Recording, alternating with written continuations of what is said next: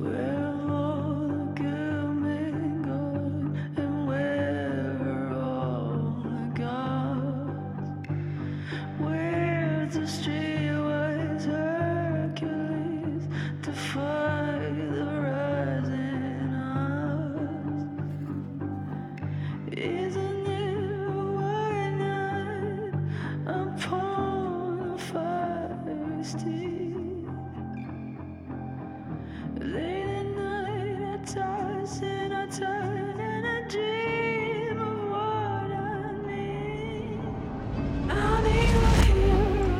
Annar són óðins er Baldur og frá honum er gott að segja. Hann er bestur og hann lofa allir. Hann er svo fagur álitum og bjartur svo að lýsir af honum. Og eitt gras er svo kvítt að jafnað er til Baldurs brár. Hann er vitrastur ásana og fegurst talaður og líksamastur. Engun veginn svona er ástnum Baldri sinni óðins líst í gilvæginningu Snorra Sturlusonar. Við þekkjum öll sögun af Baldri, svo fagur, svo hraustur og góður. Hann var bestur. Þeir íþróttamenn sem skara fram úr, þeir sem ná út fyrir melavöllin og inn á 50.000 manna leikvanga, út fyrir Akranes og allarleið til Ameríku, lengra en allir landsmennir í annari deildinni. Þekkja það öðrum mönnum fremur að vera dáðir og dýrkaðir af samferðarfólki sínu. Þeir þekkja það að vera baldur, að ganga inn á leikvanga þar sem bæði kongar og prestar klappa fyrir þeim, sem og við hinn, af því þeir eru bestir. En öll þekkjum við dauða Baldurs, hvernig fegurðin fölnaði á einu augabræði, hvernig mistilteinn loka í höndum hins blinda haðar, tók frá ásum og ásinjum allt það sem veitti þeim gleði og odlið þeim miklum harmi. Og svo er það annar kappi, Íkarus, þessi sem flög of næri sólinni, svo nálagt að vanginir fyrruðu bara upp og hann rapaði til jarðar. Þið fyrirgeði mér fyrir að hoppa svona norrætni goðafræði yfir í fortgrískar sögur en þeir Íkarus og Baldur eða það sameilegt að þeir voru auðvitað ekki ósýrandi. Þeir voru ekki menn án veikleika. Þeir höfðu sinn högstað. Að lokum var það drampið sem feldi Íkarus en hennum ljósa Baldri var grantað af ílsku heimsins, dölbúin í formi mistilteins, meinlausrar plöndu sem getur, ef hún kemst í rángar hendur, drepið þig. Sögurnar af Baldri og Íkarusi gef okkur ágetis insýnin í veruleika íþróttumannsins. Þess sem líkt og Baldur ferir brós á andlitinn og líkt og Íkarus getur flóið. En svo fyrir svitin að boga niður ennið og þú finnur brunalikt. Þegar þú kemst ekki herra er eina leiðin niður á við. Því þótt þú sért tveggja metra hár, ljósarður sólbrútn og með kinnbein á við Calvin Klein módel og sért jafn vígur í körfubólta og fótbólta, áttu líka þinn mistiltein og í lífi þínu er alltaf allavega eins og einn loki. Þú ert Íkarus og þú ert Baldur, þetta er þér að kenna og þetta er ekki þér að kenna. Mistilteitnin er líka á barnum, á vandishúsunum í spilavítunum og hvita gullinu, kókaininu sem brennir vangina, bræðir markmannshanskana og stingur því í hjartað. Þú þekkir ekki endilega veikleika þinn, þú ert jafn grunnlaus gagvart mistilteininum og drampinu, gagvart kókaininu og trúin á sjálfan þig. Um að þú getur tekið eina línu í viðbót og heimurinn haldi samt áfram að vera góður. En svo ferð á Þorablót Íslendingafélagsins í London.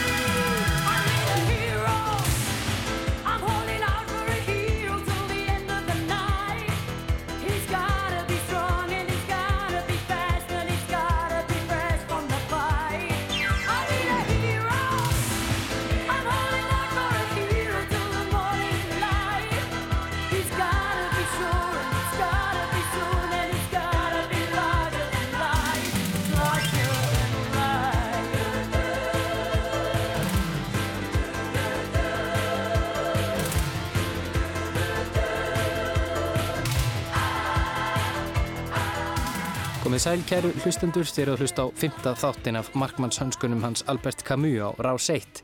Þáttarauð þar sem við tölum um íþróttir en ekki á vellinum, heldur einhverstaðar fyrir aftanan. Þáttin er einnig hægt að nálgast á sarpinum og í hlaðavarpsveitum í símanum þínum eða öðrum snjaltækjum. Ég heiti Guðmundur Björn Þorbjörnsson, tæknimaður þáttarins er Rappkjell Sigursson. Í þessum þætti verður fjallaðan um það þegar að íþróttamæðurinn dettur af vagninum, missir tökin á sjálfum sér, sportinu og veruleikanum, þótt innanvallar veriðist allt í lukkunar velstandi.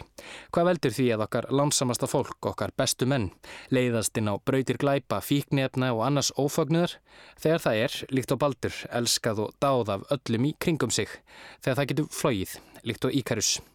Viðmælandi minn í dag var um tíma einn af okkar bestu knaspindumönnum og spilaði við góðan orstýr í atvinnumennsku Erlendis. En hann var líka háður kókaini og hefur setið inn á Littlarhraunni.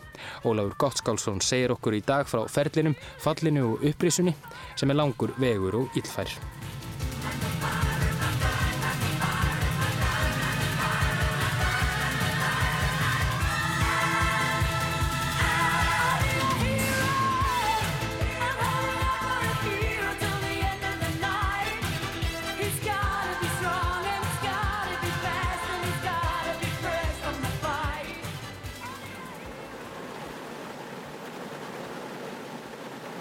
Kerum Reykjanesbrautina á gráum rigningadegi í sumar. Ég og Hörður Unstens, gammal og góður vinnur úr sveitinni. Við erum að leiðinni sögur í Reykjanesbæ til að hitta mann, keflíking sem býr þó í Njarðvík. Ég ákvaði að kippa herði með mér því hann er gettur þeirri náðorgáfu að láta ókunnu fólki líða þægilega. Hann er svona brúarsmiður, eins og var einhvern tíðan sagt um Sigur Þingað þegar hann var fórsettisráðra. Maður sátta.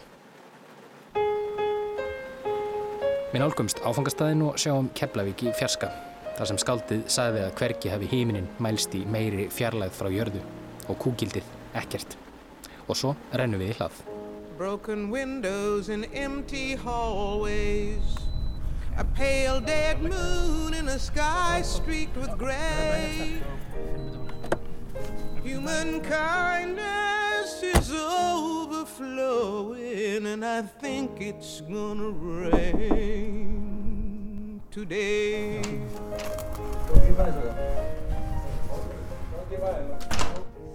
Það eru blessaður Takk fyrir að hitta mig. Það er þetta hann Hörður, félagin minn. Skóðmaður og bílstjóri Skuttlega mig það Þannig að sjá hann hljóði Við hörður komum okkur fyrir í eldhúsinu. Ólafur er einn heima á samt síni sínum. Sem millir þess að kuppa rólegurinn í herbyggi skýst endrum og eins fram til okkar.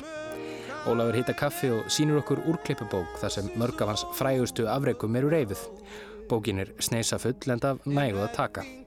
Hörður og Ólafur tala um körubólta og báðir balva þeir gullaldarleiði njarðvíkur. Það er einhver brú að myndast hérna. Ég spyr Ólaf út í æskuna, suðu með sjó. Að búi geflaðið var alveg frábært, aðlast upp. Og það voru sparkvellir í öllum hverjum. Þannig að svona 6-7 ára var maður alltaf að spila fólkvölda. Og ég vissi að bróðu minn hafi verið markmaður. Pappi var markmaður svona fyrirmyndin var Elvar og, og pabbi. Þannig að þegar ég fór fyrsta æfinguna á Haug Guðmunds þá kom ekkert annað til greina hjá mér en að fá að vera markinu. Og þannig byrjaði maður segja fyrir þess. 7 ára gammal nýra malavelli í Keflæk með vinnuvellinga. Ólafur er aðeins 16 ára gammal árið 1985 þegar Þorstein Bjarnason meiðist og hann fær sénsinn í markinu, fyrsta meistaraflokksleikin. Á sama tíma er hann líkilmaður í mestaraflokksliði Keflavíkur í Körfubólta, þótt ótrúlegt með veriðast. Hann var nefnilega einn af þessum mönnum sem gáttu allt. Víkurfrettir 50 dagurinn 14. februar 1985, Reynir 72, IBK 79. Keflvíkingar leku þarna eitt sinn besta leik í vetur, hittu vel og voru grimmir í frákostunum. Nýja stjartan þeirra Ólafur Gottskálksson aðeins 16 ára skein skært. Ólafur fór á kostum í síðari háleik var nánast einráður undir körfunni, hirti 13 frákost og fjögur í fyrri, samtals 17 frákost og skoraði 15 stygg. Sandgerðingar réðu ekkert við hann. Þetta fór mjög vel saman til að byrja með, sérstaklega vegna þess að markmaðurinn er í þessu að hoppa og stoppa át um allan teg og, og samvikið við korfinni þannig að líkamlega, líkamlega ræfingar henduðu mjög vel fyrir hvora aðra íþróttuna mm. og, og, og rosalega gaman að geta líka sleft leiðinda tíðanbílunum í fókbóltanum undirbúinunum því ég var þá að enda tíðanbílunum í korfinni mm -hmm. og svo kom náttúrulega að því að, að, að, að maður þurfti að hérna maður þurfti að hérna, gera upp hugsin hvor íþjóðlustin er því nummer eitt. En þótt Ólafur hafi þótt einn efnilegasti köruboltamæður landsins átti fótboltinn hug hans allan. Hann lagði köruboltaskona þó ekki alveg á hilluna fyrir nárið 1991.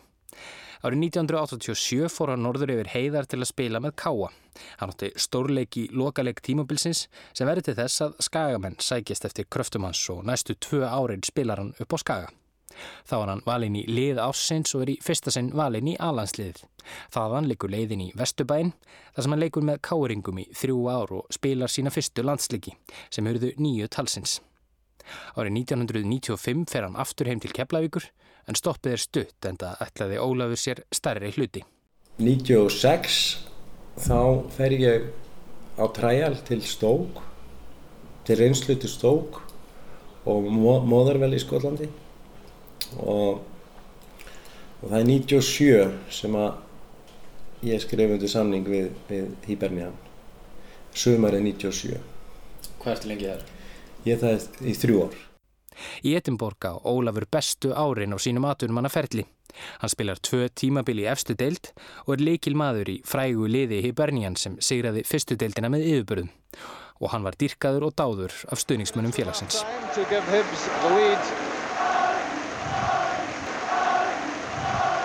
The equaliser looked as if it might well have come a couple of times for Hearts, but for the goalkeeping heroics of Ollie Skalkson. Þegar samningurinn rann út ákvað Ólafur að reyna fyrir sér á Englandi og láta gamlan draumi rætast. Hann gerði þryggjára samning við annar deltalið Brentford þar sem eigamæðurinn Herman Reyðarsson og Ívar Ingimásson frá stöðarferði voru fyrir. En í Brentford sækja gamlir draugar á Óla, djöflar sem hann hafi glimt við og haft betur. En nú hafði gamli Púkin úr Keflavík kíkt í heimsóknu og við hann var ekki ráðið. Sýtt er hvað, gæfa eða gjörfileiki.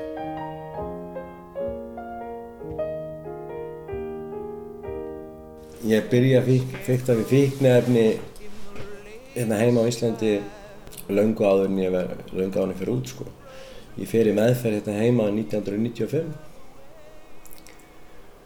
og þá var þetta búið að vera á mér, þessi fíkn og þá aðalega í hérna kannabisefni. Og eftir meðferðina láði ég mér svona gott ról og, og, og sem var til þess að ég komst til aðtunum og og hérna spila bara gleimrandi vel í rauninni með að vera að koma frá Íslandi og það er kröfunar eru meira að núti og maður er ekki alveg í stakk búinn að, að vera að spila í rauninni á þessu lefuli tókum smá tíma aðlæðast og uh, áalveg þrjú góð ár hérna niður uh, frá í Skollandi og, og fyrir svo niður, niður, niður til Englands og og það er ekki fyrir að ég hérna, fer á þárarblót Íslendinga sem að hlutinni fara að ganga illa hefur mér áttur. And I think it's gonna rain today Áhugavert. Margur góður drengurinn hefur farið illa út úr þorrablótum í gegnum tíðina, það er ekki neitt. En á þessu bölvaða blóti í lundunum, já, farið það fjandast til, voru bæði höður og loki. Það er kannski bara í bandaríkjunum þar sem fólk kissist undir mistilteini. Grunnlaust um að í sagnaminni Íslendinga er mistilteinin tákmynd þess sem grandar því sem allir elska. Grandar þeim grunnlausa. Það heit ég einn, hérna, ekki úr fókbóltanum, hann er, kemur á öðrum annar aðdunum grein, sem ég þekkti mjög vel fyrir Íslandi og með honum var eignundingu sem að, hérna, ég var kynntu fyrir og, og, og hérna, það var, var þá þannig að hans aðalvinna vin, aðal þessa, þessa englendings var að, að selja eituluf mm. þannig var ég allir komin í blúsandi aðstöð að komast í þau eins og ég vildi. Þannig er ég búin að vera edru í verða sex ár. Sex ár. Já. og það er eins og með manni maður sko. Þú byrjar ekki þegar þú fellur sem, sem neytandi þá hérna byrjar ekkert rólega það var bara á fulla ferð strax. Það byrjar bara þessu vendar já. Og komin í sterkar efni og efni sem ég gör svona kólfjall fyrir. Kokain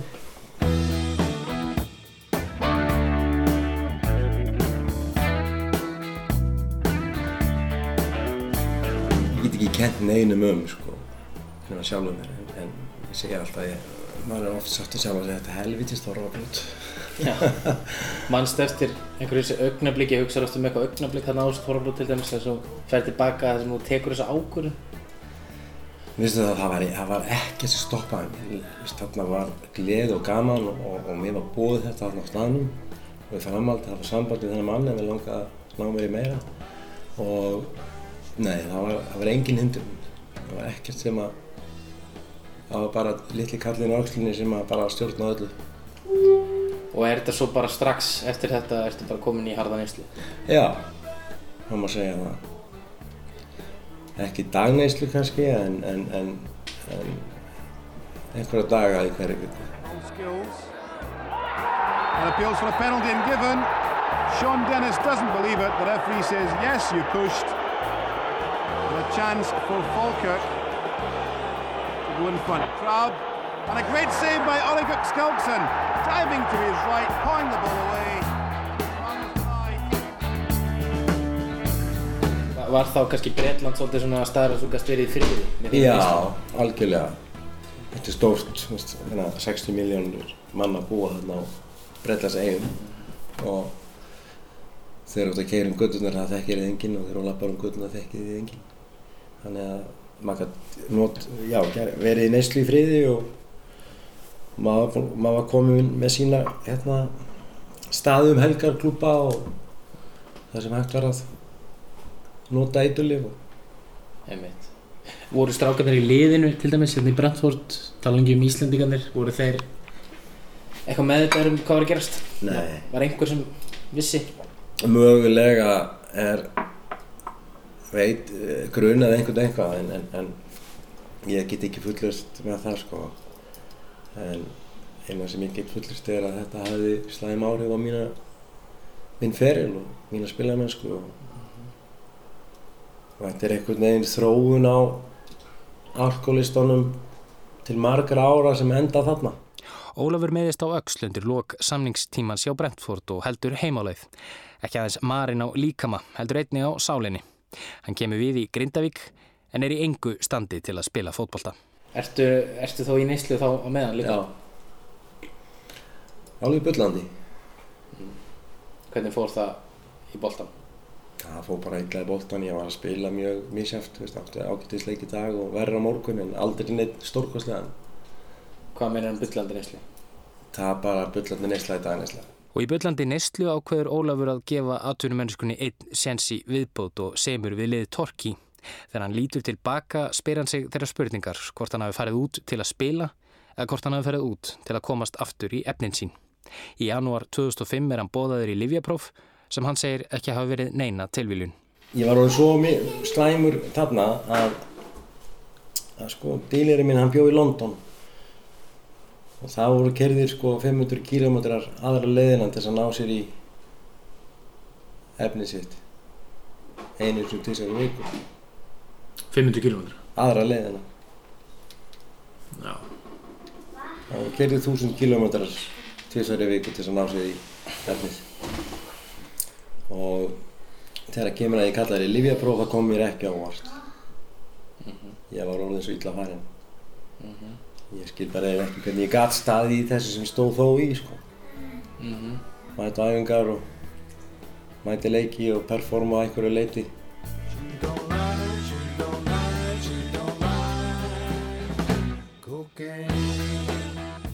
Þetta var náttúrulega agalegt högg, það var kallari liðabróf.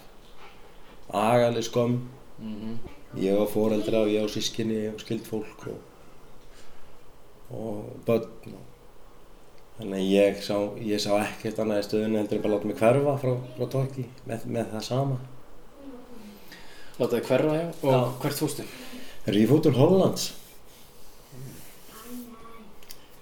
ég tók bara næstu vél til Amsterdam og var þar í viku tíu daga í bara algleimingi. Var auglustur týndur í blöðunum hérna heima og ég gerði mér enga grein fyrir því hvað maður var að gera öllu sínu fólki. Maður hugsa bara raskat á sjálfum sér sem er í neyslu. Það er þannig. Þú varst bara rústaður hann í Amsterdam. Já, algjörlega. Víkurfrettir 30. janúar 2005. Samkvæmt heimasíðu enska knatsbyrnuliðsins Torki er markvörður þeirra Ólafur Gottskálksson tindur. Hann hefur ekki mætt á æfingu hjá félaginu síðan á þriðju dag í síðustu viku. Að sögn Mike Bateson hjá Torki hefur verið reynd að hafa uppi á Óla en það hefur engan árangur borið. Ólafur Gottskálksson hætti óvænt sem markvörður Keflavíkuliðsins síðasta sumar og hjælt í ræðir Torki sem hefur verið í miklu basli með markverði hjá sér þetta tímabil. Eftir langan túr í Amsterdam er Ólafur komin á endastöð. Hann tekur upp tólið og gerir það sammannlega. Hann ringir í móðu sína. Það í rauninni sko var það besta sem ég gerði var að ringi mömmu því að hún, hún setur alltaf staðið þetta heima til þess að mér verði eitthvað hjálpa þegar ég komi heim. Ólafur fer í meðferð til Bretlands og dvelur í nokkrar vikur á meðferðastofnun sem Tony Adams fyrir um landslismæður englendinga og alkálisti rekur í Surrey. Það var góðu tími og Ólafur náði sér, en ekki að fullu. Hann fjallað nýju og í þetta skiptið átti það eftir að hafa enn alvarlegri afleðingar en áður. Það byrjar árið 2009 þá hérna keiri ég strák í hús í Keflæk til að sækja tölv ég vissi ekkert meiru máli hvort hann ætti þess að tala við ekki.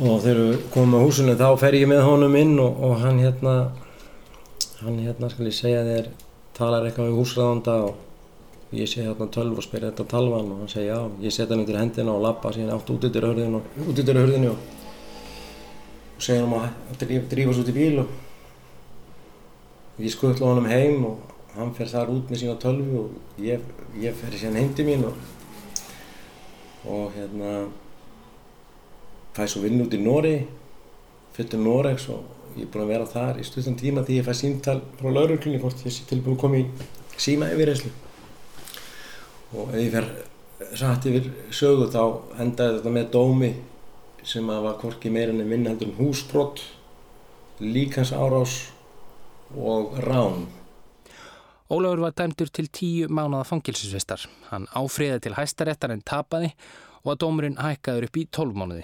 Hann satt inn í sjö og halvan mánuð, var fjóra mánuði á Littlarhaunni og þrjá mánuði á Bitru og Vernd. Ef að hausina mann er í lægi, þá fer, að, fer ég ekkert að skutla einhverju manni sem ég þekki ekkert meira heldur en hann er teimt úr konunum minni að sækja tölv út í bæ. Veist, bara, bara, hérna, stjórnleysið algjörst mm. þarna hefði sko ef maður væri lægið bara, veist, þetta er ekki minn vettvangur ég er ekkert að skipta mér svona hlutum mm.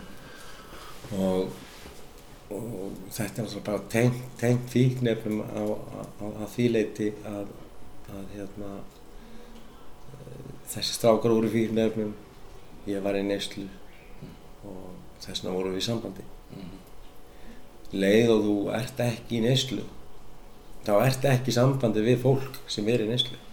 Ólafur er ekki sammála öllu því sem framkemur í domnum en viðkennir að sökin sé hans. En hins vegar fór ég óbóðin inn um dyr hjá þessu manni. Þannig ég get ekki kent neinum nema mér um og mun aldrei gera neitt annað. Mm -hmm. þetta Hvernig var, hvernig var að vera dæmdur í fangilsi og fara í, fannst þér þetta að vera ákveðin enda og vera komin ákveðin endastöð? Algjörlega, alveg hræðilegt áfall sko. maður bara, ég trúi þess að þetta væri gerast fyrir mig. Ég bara, hvernig, hvernig get ég lendi í þessu? Það var spurningir, bara ég trúi þess og svo kemur kallið þú veist að fara að mæta. Mm. mann finnst að þetta er allt hálf ótrúlegt mm -hmm. og svo hérna ég og fæði minn, hann var laugjæslumadur allar sinna tíð og bindismadur líka og ég kem frá mjög góður í fjölskyldu þannig að mín hægðun er svo og þvert ofan í allt sem ég ætti að sína að, og var alin uppið að þarna er það bara fíknefnin sem eru búin að taka stjórn, stjórnina.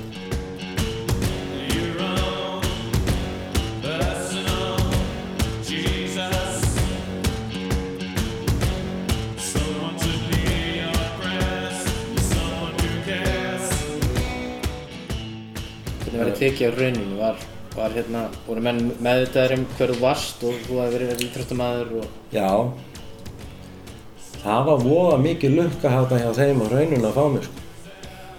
Þeim hlakkaði mikið til að fá mig til að spila fókbalta með sér og, og hérna ég, það var mikil pressa, ég myndi setja með hanska og þeir fengið að taka eina letta skotæfingu sem fyrst, Já.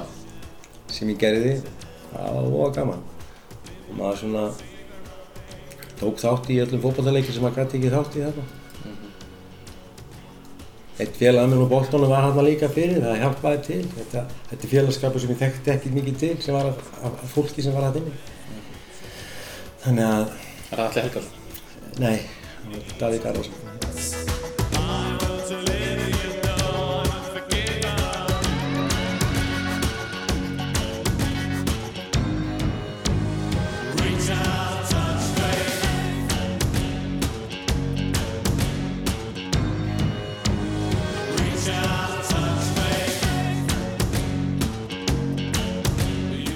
En samt mér leiði alveg hræðilega illa allan tíman inn á litla Óli komst á beinubrautina þegar hann losnaði af hrauninu.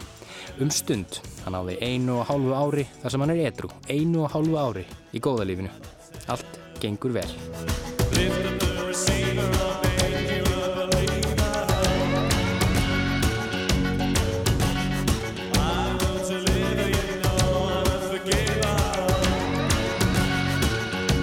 Svo gerist hvað? Svo kemur búkinn maður. Ha, Svo kemur bókin. Búkinn á öxlina og Segir að bankar prófa einu sinni Já, það gengur allt svo vel núna Óli. Þetta er allt í lagi. Og þú hefur stjórn á þessu. Já, já. Og hérna byrja að fykta bara. Og en gera það svolítið öðruvísi í þetta skipti ég er ekkert í sambandi við neitt fólk. Ég er ekkert út á lífinu eða eitthvað slíkt. Ég er bara einn í minni neyslu þetta heima Og í kókaini. Þegar ég har ekki til neitt almennilegt kókain á Íslandi þannig að það var amfetamin og kannabis Og síðast ári kom síðasti skellurinn. Síðasta höggið. Ég er búinn að vera ettur meira minna frá því ég kom úr fangilsinu með smá hlýðarfalli og náða mér aftur og, og spór bara með því að færi samtökinn og hérna svo kemur að því að, að, að stjórnleysið og, og, og, og það sem maður gerir í neyslu en ekki edru kom fyrir Ólafur sest upp í bílinn að morgni dags með síni sínum og keirir í áttað leikskólanum. En í vari leikur lauruglan, en það er Ólafur ekki etru og það vita þeir. Bílinn er eldur uppi og það kveiknar á bláuljósunum. og þá kom hérna þessi, þessi, þessi bráðsnjalla hugmyndum að stoppa ekki fyrir þær heldur bara að koma mér heim aftur koma til reynlum til mömmu sinnar og uh, þetta var háskaleg eftirför frá leikskólanum og hingað MBL.is 25. júni 2016. Lóreglan á Suðunesjum stöðvaði bíl sem var á Akstri í íbúðarkverfi við Kjarnabrauti í Reykjanesbæ með því að keira inn í hlið hans. Aukumadurinn hafði ekki orðið við tilmælum lauruglunar um að stöðva bifreið sína samkvæmt upplýsingum frá lauruglunni en þetta gerðist rétt fyrir hádegi. Barn var í farþegasæti bílsins samkvæmt upplýsingum frá vittnum sem laurugla talaði við. Þeir keiriðu fjóru sinnum inn í hliðarnar á bílnum vitandi að fimm ára sonum minn var inn í bílnum. Ég mun aldrei geta fattað þá ákveðna lauruglumann að gera þetta. Enda segja þeir síðan í blöðum að eina sem þeir gerðu var að keira í veg fyrir mig til að stöða mig.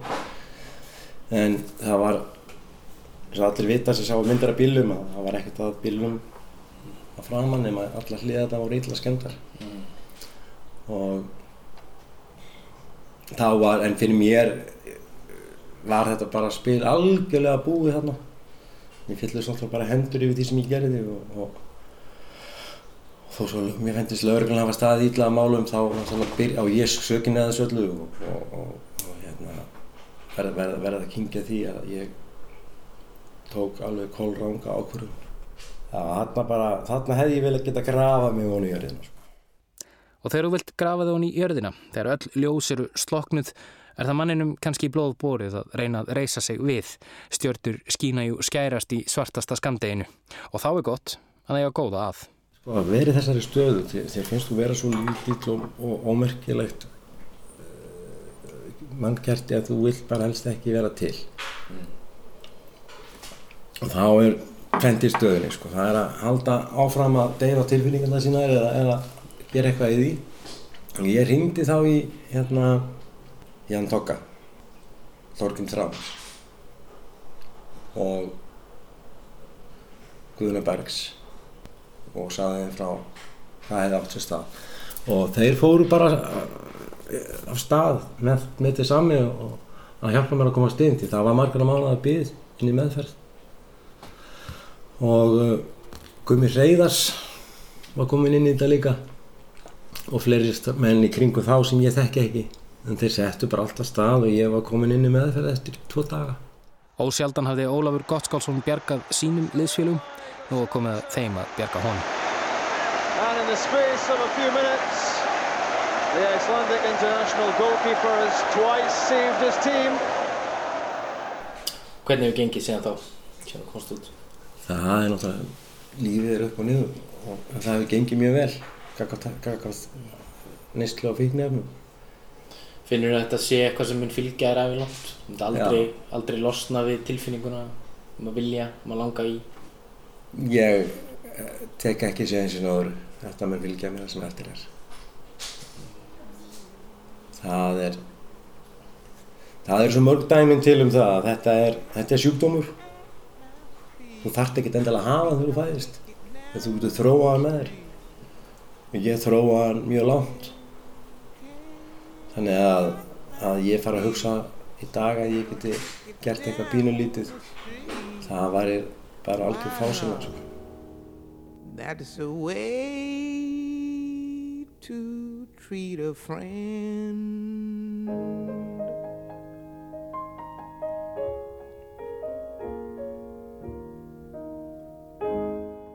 Óli Gottur Keflavík er síður en svo eini íþróttamaðurinn sem eru þurft að lúta í lægra haldi fyrir fíkninni. Frægasta dæmið er líklega Diego Maradona, eitt besti knaspindumaður sögunar og áralöng barátta hans við kókainfíkn. En það eru hundruð ef ekki þúsundir annara sem hafa háð þessa baráttu og tapað. Og því er þessi slagur kannski algengari en af er látið og um er talað. Já, þetta er algengar. Ég veit.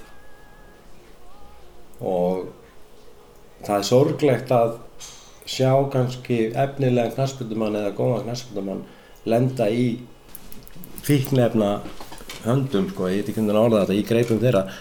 Og fjara hægt og rólega út og vita sko kannski til þess að, að, að þetta er ekkert alveg, alveg sagt óvitað mál, það eru menn sem vita af þessu og, og, og grípa ekki inn í. Því að, því að það er mjög algengt að eftir eða í gegnum íþróttaferil þá kom upp ímisli meðsli þú þarft að fara á ímisli lif bara þessi lif geta kveikt í í fíkninni Og það er ekki bara kókainið eða bara lifin sem leggja þessar hetjur af velli. Spílafíkn er algengt vandamál meðal íþróttamanna sem hafa mikið af fjármunum millir handana. Getur verið að íþróttamenn séu móttækilegri en aðrir fyrir fíkninni. Þú te- að- 100% orðin spennið fíkil eftir 25-30 ári í íþróttum það er bara eitthvað sem þú byggir upp með þér Ólafur segist þá að hugsa um að láta gott af sér leiða og miðla reynslu sinni. Næsta skref sé að afla sér þjálfararéttinda sem markmannsþjálfari hjá KSI. Þá blundar einni í honum sá draumur að miðla hinni reynslunni, reynslunni af veikleikanum.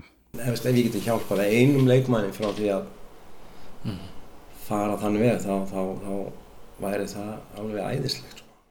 Hún er lífseg svo mýta Nietzsche gamla að það sem ekki drepi þig gerir þig sterkari. En það er ekki alltaf rétt. Ekki frekar en að Guð leggja ekki meira á fólk en það þólir. Hetjur gefast líka upp og hetjur deyja. Og því veldir Ólafur Gottskálsson fyrir sér þegar hann hugsaður um samferðamenn sína sem náðu ekki að rétta úr kútnum. já ég átti nokkra sem að bæði fóru betur út úr þessu og svo á ég líka félaga sem fóru munver og tóku sitt eigi líf og þar stundum við næst Ragnar Margesson Við spilum saman í Keflæk og við spilum saman í Káar og við spilum saman í landsliðinu.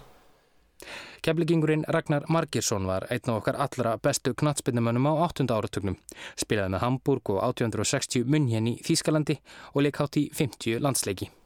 Það er mitt, eins og ég nefndi áðan sko, með meðsli, líf og, og sambönd við lækna og annað slíkt sem kemur út af þessu. Það var eiginlega kannski svona undirstaðan hjá honum akkur hann fór hann var ekki, ég get, get fullir það við ykkur, hann var ekki í eins hörðum efnum og ég en þau þurfa ekkert að gera minni skada þó að það sé fengið úr apotekinu eða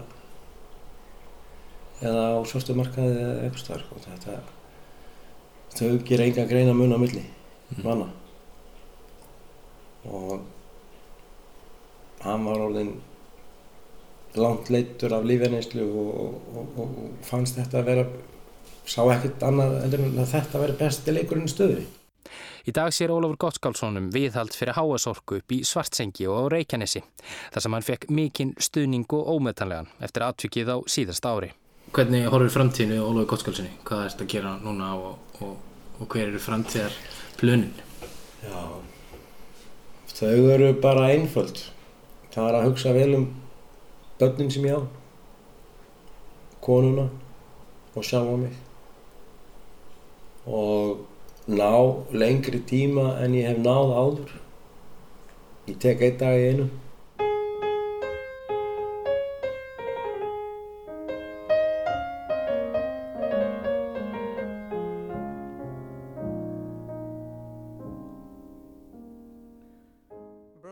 Eitt dag í einu. Eitt dag í einu saði Ólafur Gottskálsson, eitt dag í einu saði Böbbi Mortens, eitt dag í einu bað Rænald Nýbúr í aðruleysisbenni. Gefið mér eitt dag í viðbót til að mæta heiminum eins og hann er en ekki eins og ég vil hafa hann. Til að njóta allra andatakana, sjá friðin í mótlætinu og treysta því að endingu þá farið þetta allt saman vel. Því þóttu sért næstum tveir metrar á hæð með ljóst hár, segðandi augu, hákinnbein og bestur í öllu, þóttu sért sjálfur Baldur Óðinsson er líka mistilteitn í þínu lífi sem getur er alltaf mistiltinn og þorrablótum lífsins likja loki og höður í laumi tilbúinir að rústa þér og við það tengjum við öll. Mistilteitn Ólafs Gottskálssonar er kókain og saga hans, sigrar hans og ósigrar, miklu hæðir og djúpu dalir minna okkur á hinn sam mannlegu orð sem príða kærleikskúlu styrtarfélags Lamara og Fallara frá árinu 2013. Á henni stendur ítað, það er fallegt og sorglegt að vera manneskja, pappi fullur jólin 1998. Nú prýðir þessi sanna mótsögn kærleikskúluna, segir listamæðurinn Ragnar Kjartansson um kúluna sem hann hannaði.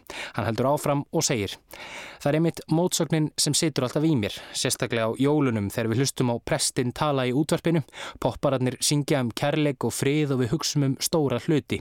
En lífið er aldrei annarkvort eða, aldrei annarkvort harmþrungið eða gleðilegt, aldrei svart eða hvít.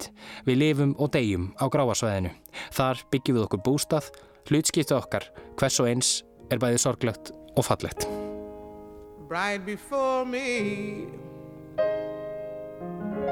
The signs implore me Help the needy and show them the way